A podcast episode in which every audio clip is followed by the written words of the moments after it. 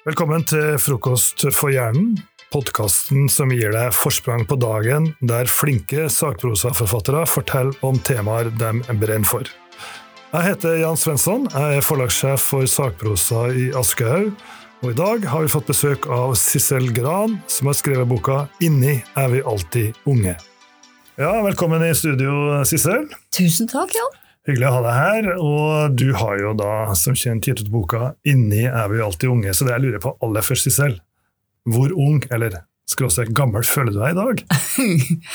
ja, i dag så gikk jeg også forbi Det Norske Teatret. Ja, vi skal komme tilbake til det. Ja, sånn, altså Jeg så en eldre frue i, som for rundt hjørnet og inn til Aschehoug i dag, og det var meg.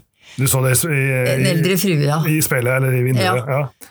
Ja. Inni følte den eldre fruen seg ganske ung, inntil hun så så, dere sine! som runda hjørnet. Ja, og det fysiske alder er 67 år. Ja, jeg blir 68 nå i sommer. Ja, mm. Og da følte du deg Jeg må få svar på spørsmålet. Jeg, ja, jeg følte meg vel omtrent såpass ja, gammel i grunn. Oh, du gjorde det, ja? ja, gjorde ja vel, ok, Så du er ikke så ung inni som du ikke, vil ha det til? Ikke i dag. Nei, vi skal komme tilbake til det. Ja. Men uh, denne boka starter jo da med det du antyda her, at du går forbi Det Norske Teatret mm. og ser din egen mor i speilet. Og det er jo en uh, gjenkjennelig uh, ja. episode. Men er det så farlig å se mora si der, da? Nei da. Uh, det er bare at det blir hyppigere og hyppigere. Ikke sant? At en ens eldre jeg trer liksom tydeligere og tydeligere fram ettersom årene går. Altså sånn at det, det blir mer og mer av henne og mindre og mindre av meg. Og det Eh, ikke inni, men på utsiden, sånn at det blir denne kontrasten da, mellom det, den indre opplevelsen av å være kanskje aldersløs og den ytre opplevelsen av slett ikke å være det. Altså. Nettopp. Vi skal komme litt tilbake til det, for mm. dette er jo ikke bare du som, som føler det sånn. Nei. Men altså, nå er jo du eh, psykolog, eh, parterapeut osv. Og, så og blitt plutselig veldig opptatt av aldring og lage en hel bok med det temaet. Hvorfor det? ja. Det er jo fordi alderen kryper på. fordi at du, jeg kjenner det jeg kjenner alderen på gikk, da, for å si det sånn. At etter et langt liv i sittingens og lyttingens tjeneste, så kjenner jeg at kroppen liker ikke så veldig godt å sitte så mye lenger. Altså det gjør ganske vondt å sitte eh, framoverlent og lytte til folk som har det vanskelig. Så det er noe av det første jeg begynte å kjenne at dette her Jeg har fått sittesjuken, rett og slett, og det er et alderstegn.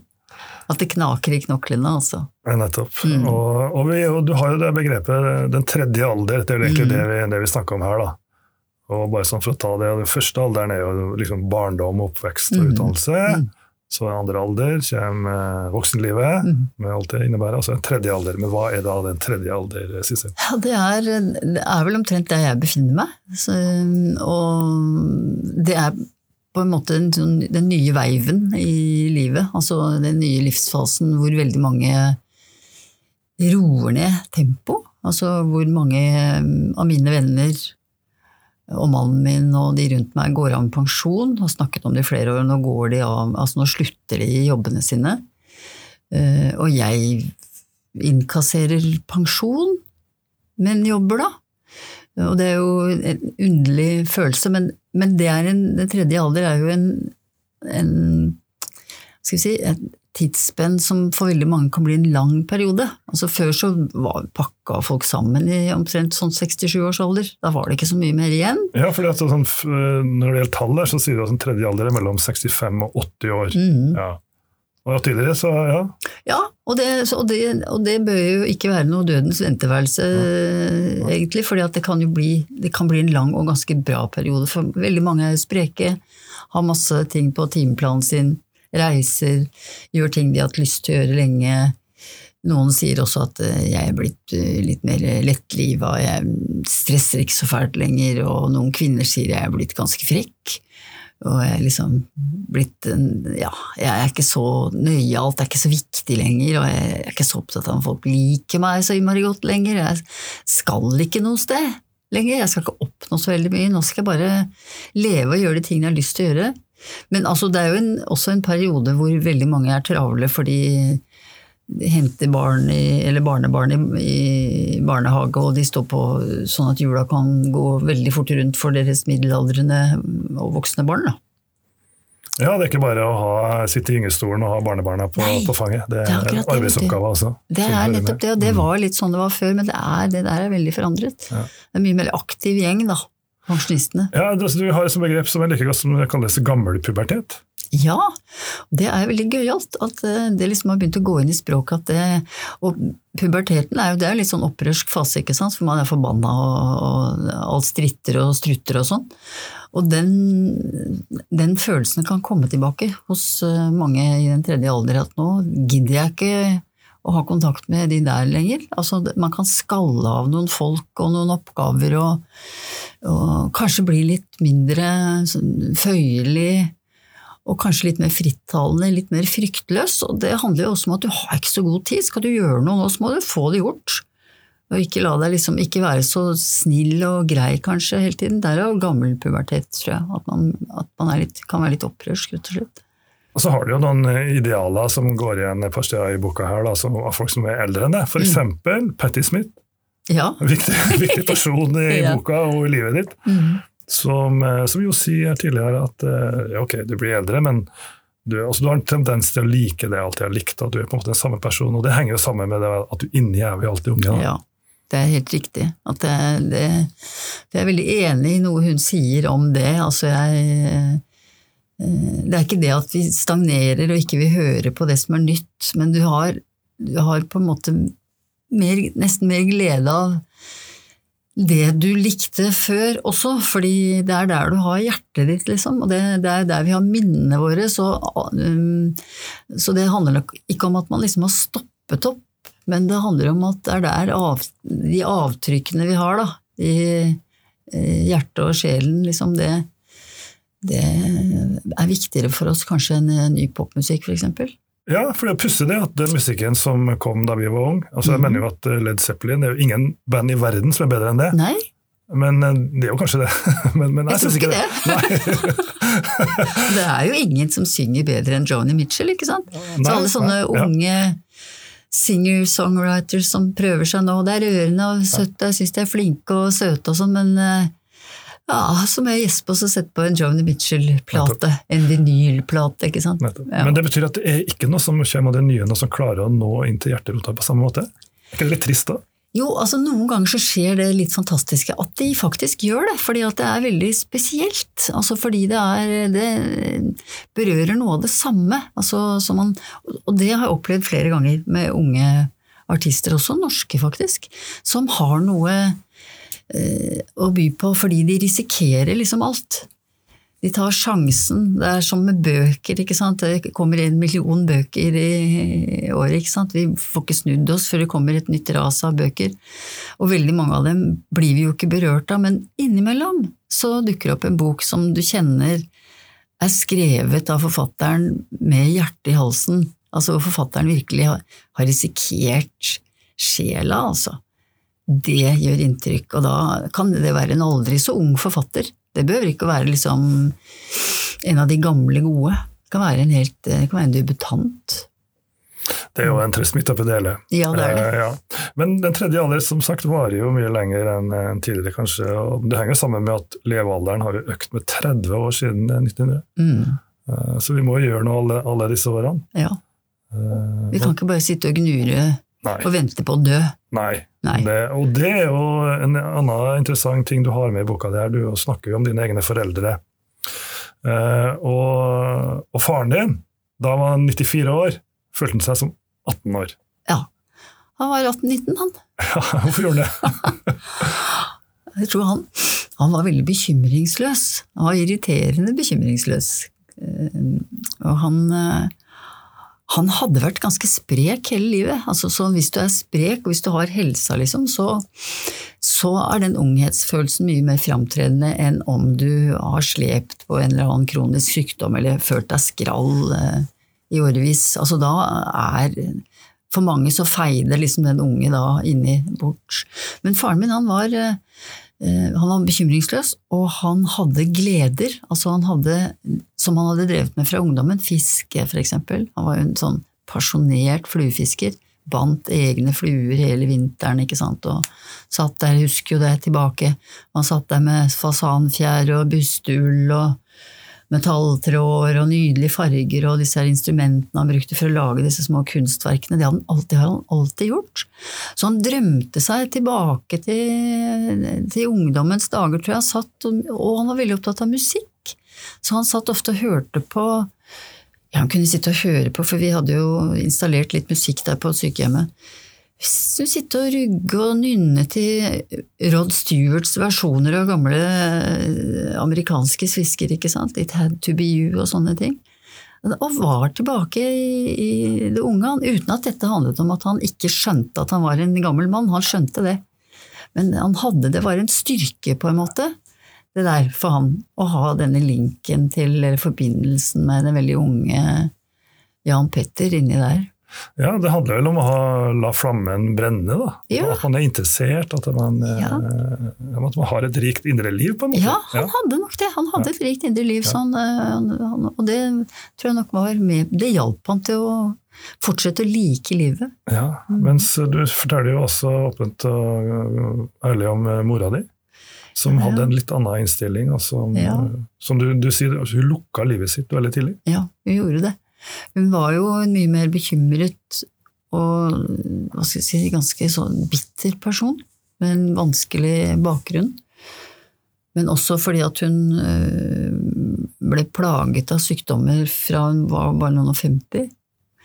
Um, så hun, og hun, hun hadde på en måte hadde hatt så vanskelig at hun skal vi si, hennes negative gen var så veldig stimulert. Altså, hun så på verden med skepsis. Så på andre mennesker med skepsis, og så på verden med skepsis. Og når hun begynte å bli eldre, så var det sånn Åh, se hvordan jeg ser ut. Ja. Åh, for et syn. Og, å gud, jeg er så sliten. Og å, alt er et ork. Altså, sånn. Hun, hun snakket seg selv ned, og det var fryktelig slitsomt for oss som da levde sammen og måtte høre på det der hele tiden, for hun drev med sånn, det som aldersforskerne kaller for negativ selvstereotypisering, altså som handler om å snakke seg selv ned og si jeg duger ikke til noen ting, og jeg har ingenting å glede seg til, og ja, ja, nå er det liksom slutt snart, og sånne ting. Mm. Og det gjør noe med selvopplevelsen vår på en veldig negativ måte. Det stopper all utviklinga. Du lukker deg sjøl, så Ja. du har liksom bestemt deg for hvordan du er. Ja, Ja. nemlig. Og, så har, og som du sa, altså, det, fører jo ofte til, når folk holder på sånn, at de lukker livsfortellingen sin for tidlig, da, som også er et sånt uh, aldersforskningsbegrep, narrative foreclosure, som det heter. Altså at du rett og slett begynner å tenke, kanskje ganske tidlig, at nei, det er ikke noe mer å oppdage. Det er ikke noe mer å oppleve. Altså, så blir du bare sittende på en måte i dødens venteværelse. Da får du ikke noe god tredje alder. Nei, du gjør ikke det. Nei. Og det jeg tror ikke moren min hadde denne linken til sitt unge indre, kanskje som en form for lengsel eller sorg, men ikke, det var ikke et sted hun liksom kunne gå til med glede da, og tenke på fine ting. Men det er interessant det her med at folk eh, altså, Tilbake til tittelen 'Inni er vi alltid unge'. Eh, Du sier jo også at eh, forskning viser at mellom 70 og 75% av mennesker føler seg fem til ti år yngre enn de er. Og det gjelder også yngre mennesker. Ja, Hva, hva kjenner det? Altså, folk på 25 føler seg som 17 osv. ja Hva, hva kjenner det? Ja? det. det er så sprøtt, vet du. Det er jo dette, For dette begynner tidlig, den, den følelsen. Så jeg har jo spurt mange unge. Det handler jo om at jeg har spurt dem og snakket med mange unge i forbindelse med at ikke de greier å finne seg en kjæreste. Og, det, og altså veldig mange av dem lever jo livet sitt i Tinderland, ikke sant. Veldig mye, og holder på der. Og finner ingen. Og, og så spurte jeg en svær gjeng med psykologistudenter. Vi var sånn fra 21 til 25. eh, Om de liksom Fordi de ville jeg skulle snakke med dem om denne ambivalensen de føler, altså det suget etter en kjæreste på den ene siden, mens frykten for å binde seg til feil person på den andre siden, altså valgets evinnelige kval, da. Så spurte jeg dem liksom, om hvor gamle de liksom følte seg. Om de følte seg yngre enn det de var, og det var jo unisont. Ja, de følte seg som sånn 17-18. Og en sa inni meg er det en tolvåring som hopper og spretter, liksom. Og da sa jeg, kanskje litt ironisk, at da er det kanskje ikke så rart at det, dere ikke finner noen kjæreste ikke har lyst til å etablere dere da, når dere er 17-18 inni. For da skal man jo bare synge og danse og leke og treffe nye og kanskje ikke liksom slå seg til ro, som det het i gamle dager. En viss angst for å bli voksen, rett og Ja, slett. et sånn, men det har jo Det er jo en all, alderen, altså Dette skjer jo med alle. 60-åringene føler seg mye yngre, 50-åringene føler seg yngre enn de er, 40-åringene. Og da er det ikke så rart at både 30-åringene og 20-åringene også føler seg yngre enn de er. ikke sant? Og det handler jo veldig om at ungdom, friskhet, det nye, det skjønne, det glatte, alt som alle de som liksom hvor verden ligger åpen, det dyrkes veldig. Ikke sant? Fordi vi også lever i et samfunn hvor alt er mulig. Det er en sånn slagord. Du kan få hva du vil, du kan gjøre hva du vil, noe som jeg mener ikke er sant i det hele tatt. Mm. Men den ligger der ganske tungt, også på de unge, tror jeg. Og det, så jeg tror at den unghetsfølelsen jeg tror, den, blir, eh, den er gjennomgripende for veldig mange. Mm. Bortsett fra noen som sier ja, men jeg har alltid følt meg gammel, Ja. For noen har en gammel sjel. Ja, da, Hvis du er 16 år, så vil du gjerne bli 18 år så fort som mulig. Du vil det. Ja. Ja, så tolvåringene vil ikke være seks år. De vil være, de vil være voksne. Nettopp.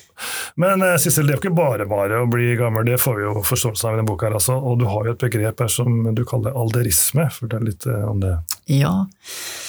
Det er jo rett og slett eh, i slekt med rasisme og sexisme, ikke sant. Så det, det er jo aldersdiskriminering, rett og slett. Og det er mye av det. Og det viser jo også forskninga at det er faktisk det det er mest av. Det er nesten det er mer diskriminering av eldre og gamle enn av, eh, av eh, mennesker på grunnlag av kjønn og, og hudfarge. Og det har ikke vært nok påaktet, rett og slett. Og når man blir eldre selv, så merker man det. Altså, og folk jeg snakker med som er eldre og gamle, de sier at de merker det veldig godt. Menn sier også at de merker det, eh, og flere sier det er veldig rart. Jeg, jeg sitter på et møte, jeg snakker, og plutselig så skjønner jeg at det er ingen som hører på hva jeg sier. For jeg er blitt over 60 og er plutselig ikke relevant lenger. Og det er skremmende for mange i mediebransjen, f.eks., hvor det, de opplever at sjefene går etter dem nesten med og sier ja, jeg har ikke tenkt på sluttpakke, da, eller kunne vel være interessant å begynne for seg sjøl nå snart, med så mye erfaring som du har, og underteksten der er jo egentlig vi vil ha deg ut, vi vil gjøre plass for nye krefter osv. Så, videre. så det er en diskriminering av eldre, også i den forstand at eh, eldre og gamle ute på gata i det offentlige rom blir sett forbi. Altså, de fins ikke. Det, første gang, de første gangene man opplever det, så er det oi, det er en litt skremmende følelse å plutselig være usynlig. Hva kan man gjøre med det, da? Vi gjør deg gjeldende. Altså, en ting er at samfunnet må gjøre noe med det. Altså At du må ha en oppvurdering av Du må slutte å skrike om eldrebølgen, f.eks. For. Fordi det er jo å si at du kommer til å bli en byrde. Altså og de unge skal måtte slite for å En sånn som deg skal leve lenge, så skal liksom de unge slite og ødelegge livet sitt på sånn at du kan ikke skynde deg å dø litt fort. da. Liksom at det, det, er noe brutalt ved begrepet eldrebølge. Det er liksom tsunamien som bare skyller inn ikke sant? og river med seg alt og dreper og fot, og barn og unge rives ut i bølgen og drukner og dør. Det er sånn grusomt bilde. Det var godt ment, tror jeg, da de lanserte eldrebølgebegrepet, men det er ikke et godt bilde lenger. Det er, så det er noe skam knyttet til det der. Og så er det jo dette med at man skal liksom være vellykket, man skal være sprek, man skal holde ut. og Du er litt sånn motstander av, av det også. Du, du, går ikke på sats hver dag, tror jeg? Synes jeg. Nei? Innimellom, kanskje? Jeg har begynt, da. Jeg har lovet meg selv da, i denne boka, så har jeg jo jeg har outa mitt dovne jeg, ikke sant, og der har jeg en veldig link til mitt unge jeg, for mitt unge jeg ville ikke være med på idrettsdager eller fly rundt i gymsalen. Mitt unge selv ville ligge på sofaen og lese bøker, eller gå i skogen, altså, eller sitte og se på naturen og slike ting, eller høre på musikk og danse litt og være sammen med venner og sånn. Så mitt unge selv var ikke idrettslig anlagt, for eksempel. Så, men jeg har da jeg har da avslørt det i denne boka, og, og avslørt at dette blir min bane hvis jeg skal fortsette å være så solidarisk med mitt unge selv når det gjelder akkurat det der. Jeg må trene styrke, og det har jeg begynt med. Jippi. Ja, det er bra, men, men, eh, men det du kritiserer, er vel egentlig det presset om å være så sprek og vellykket. Ja. At du, ok, du er gammel, da, men kanskje du skal være gammel òg, da. Ja, for det er noe helsemoralisme ute og går. At øh, hvis du ikke, hvis du ikke liksom ja, hvis du blir dårlig eller krank, så har du deg selv å takke, da, for du har vel ikke spist uh, sunt nok, du har vel spist napoleonskake, da, og har vel uh, kanskje røyka en gang i livet, òg. ikke har du løpt nok på tredemølla heller, ikke sant, og nei, da kan du ikke regne med, da må du regne med kolsen og kreften, da, det var synd, synd for det, men det, du, det er din egen skyld, altså så er det veldig Ja, det der med ansvaret som pålegges den enkelte for uh, for at du blir syk eller, eh, eller eh, får plager. Mens poenget er jo egentlig at vi kan ikke velge alt selv. Altså, du har ikke kontroll på alt. Altså, du har ikke kontroll på cellemaskineriet ditt, f.eks. Og det er det jo um, Så, så, så den, det sjokket vi kan få noen ganger hvis vi liksom hører om en veldig frisk og sunn og sprek person Ja, men han han blitt syk? Ja, men han levde jo så sunt. Han var jo han løp jo som en gaselle rundt Sognsvann og var jo helt fantastisk, og, og nå er han syk? Nei, så underlig. Det er ikke det. Det kan skje hvem som helst. Og det er litt underkjent. Så Én ting er jo den tredje alder, men så går man da over i den fjerde alder. Mm. Da begynner man å bli en olding, eller skikkelig gammel. Ja, Syk ja. og krank. Eh, Ja. Hva skjer da? Hvordan skal man takle det? Ja, man må jo, altså Det som er så interessant, er at jeg har jo venninner som er 80 og mer. Uh, og det som er så utrolig med dem, det er jo uh, at de er ganske så fryktløse, da. Frittalende. Mener ting sterkt, også uten å være frekke og slemme, men sånn ordentlig. De er ikke redde for å si For de har ikke tid til å sitte og knusle og pusle og, og glatte overalt. Men eh, for mange, det, som, det er det som er interessant nå, for mange kan den fjerde alder bli noen skikkelig bonusår. For mange som er over 80, blir veldig mye mer enn 80. eh, Og holder seg friske lenge, mens på et eller annet tidspunkt så innhentes vi alle, ikke sant, hvis vi lever lenge nok. Det er bare sånn det er. Og det kan nok for mange komme som et sjokk, altså når forfallet virkelig treffer med et smell, ikke sant, eller langsomt, og du plutselig kjenner at det er mye jeg ikke kan gjøre nå. Jeg kan ikke sykle, jeg kan ikke kjøre bil lenger, jeg kan ikke og, og mange opplever å bli umyndiggjort også, ikke sant, av sine voksne barn. Sånn som vi gjorde med far.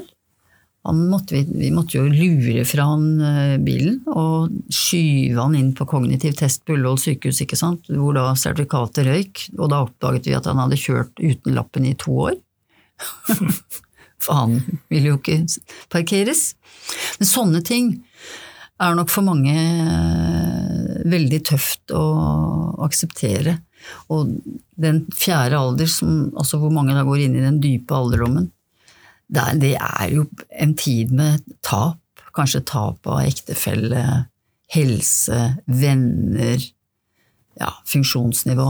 Det er veldig vanskelig å forberede seg på hvordan man skal takle det. Men, sier aldersforskerne, de som har vært litt kranke, da, eller som har på en måte lenge strevd lite grann, takler den dype alderdommen bedre enn de som bare plutselig kastes inn i det som har vært veldig spreke hele livet.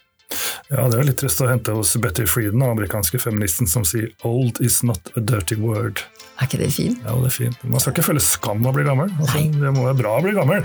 Ja, det er akkurat det. Det har du så rett i. Og det er det vi må Det er det som må være det gode årtaket. Vi må hente opp det. Vi må hente opp hennes fantastiske gamle, ikke et stygt ord. Ja, Da kan vi vel egentlig runde av med din helt Patti Smith, da, som sier vi må lære oss å navigere i den naturlige aldringsprosessen og vårt eget fysiske forfall. Og hun sier annet at du skal gå til tannlegen tre ganger i året. Men det gjør ikke du. Jeg går til tannlege én gang i året, og men til tannpleier tre. Nettopp. Da, du følger Patti Smith der altså. Det, det er veldig bra. Tusen takk for en veldig fin samtale, Sissel. Takk i like måte, Jan. Takk for at du hørte på Frokost for hjernen. Husk å abonnere på podkasten i din podkastapp, så høres vi.